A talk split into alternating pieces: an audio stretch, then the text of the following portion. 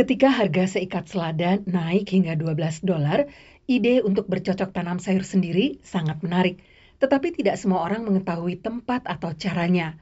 Aktivis kebun komunitas Josh Palmer dari kebun komunitas Gumtree di Adelaide mengatakan, There's definitely an educational aspect to the garden where it's like Yeah. Pasti ada aspek edukasi mengenai kebun. Orang mungkin punya tempat tetapi tidak tahu cara memanfaatkannya. Greg Martin dari kebun komunitas Walyuyarta mengemukakan. I didn't know anything about gardening, but you come down here and you meet people who have gardened for. Saya tidak tahu sedikit pun soal berkebun. Lalu saya datang ke sini dan bertemu orang-orang yang telah berkebun selama 40-50 tahun dan punya banyak informasi.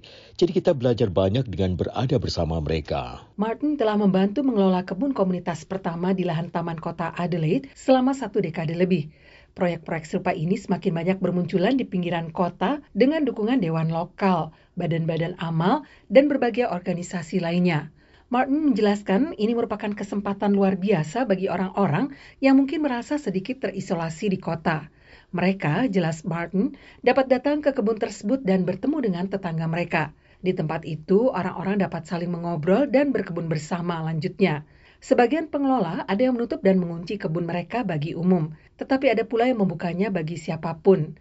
Mengenai kebun komunitas Gumtree, Palmer mengatakan, open to anyone. It's just like safe space for everyone to kind of come and mingle and um, join together. And it was Ini really about terbuka bagi siapa pun. Ini adalah tempat yang aman bagi siapa pun untuk datang dan berbaur, berkumpul.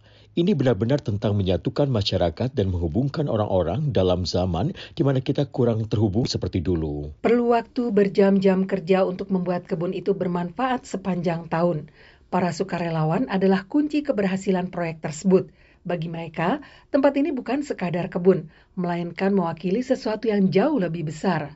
Stuart Gilmore, salah seorang sukarelawan, mengatakan, It's giving back to people. It's uh, wonderful uh, in this particular community to be able Ini membalas apa yang kita terima dari masyarakat. Sungguh luar biasa di dalam komunitas ini kita dapat berkumpul bersama.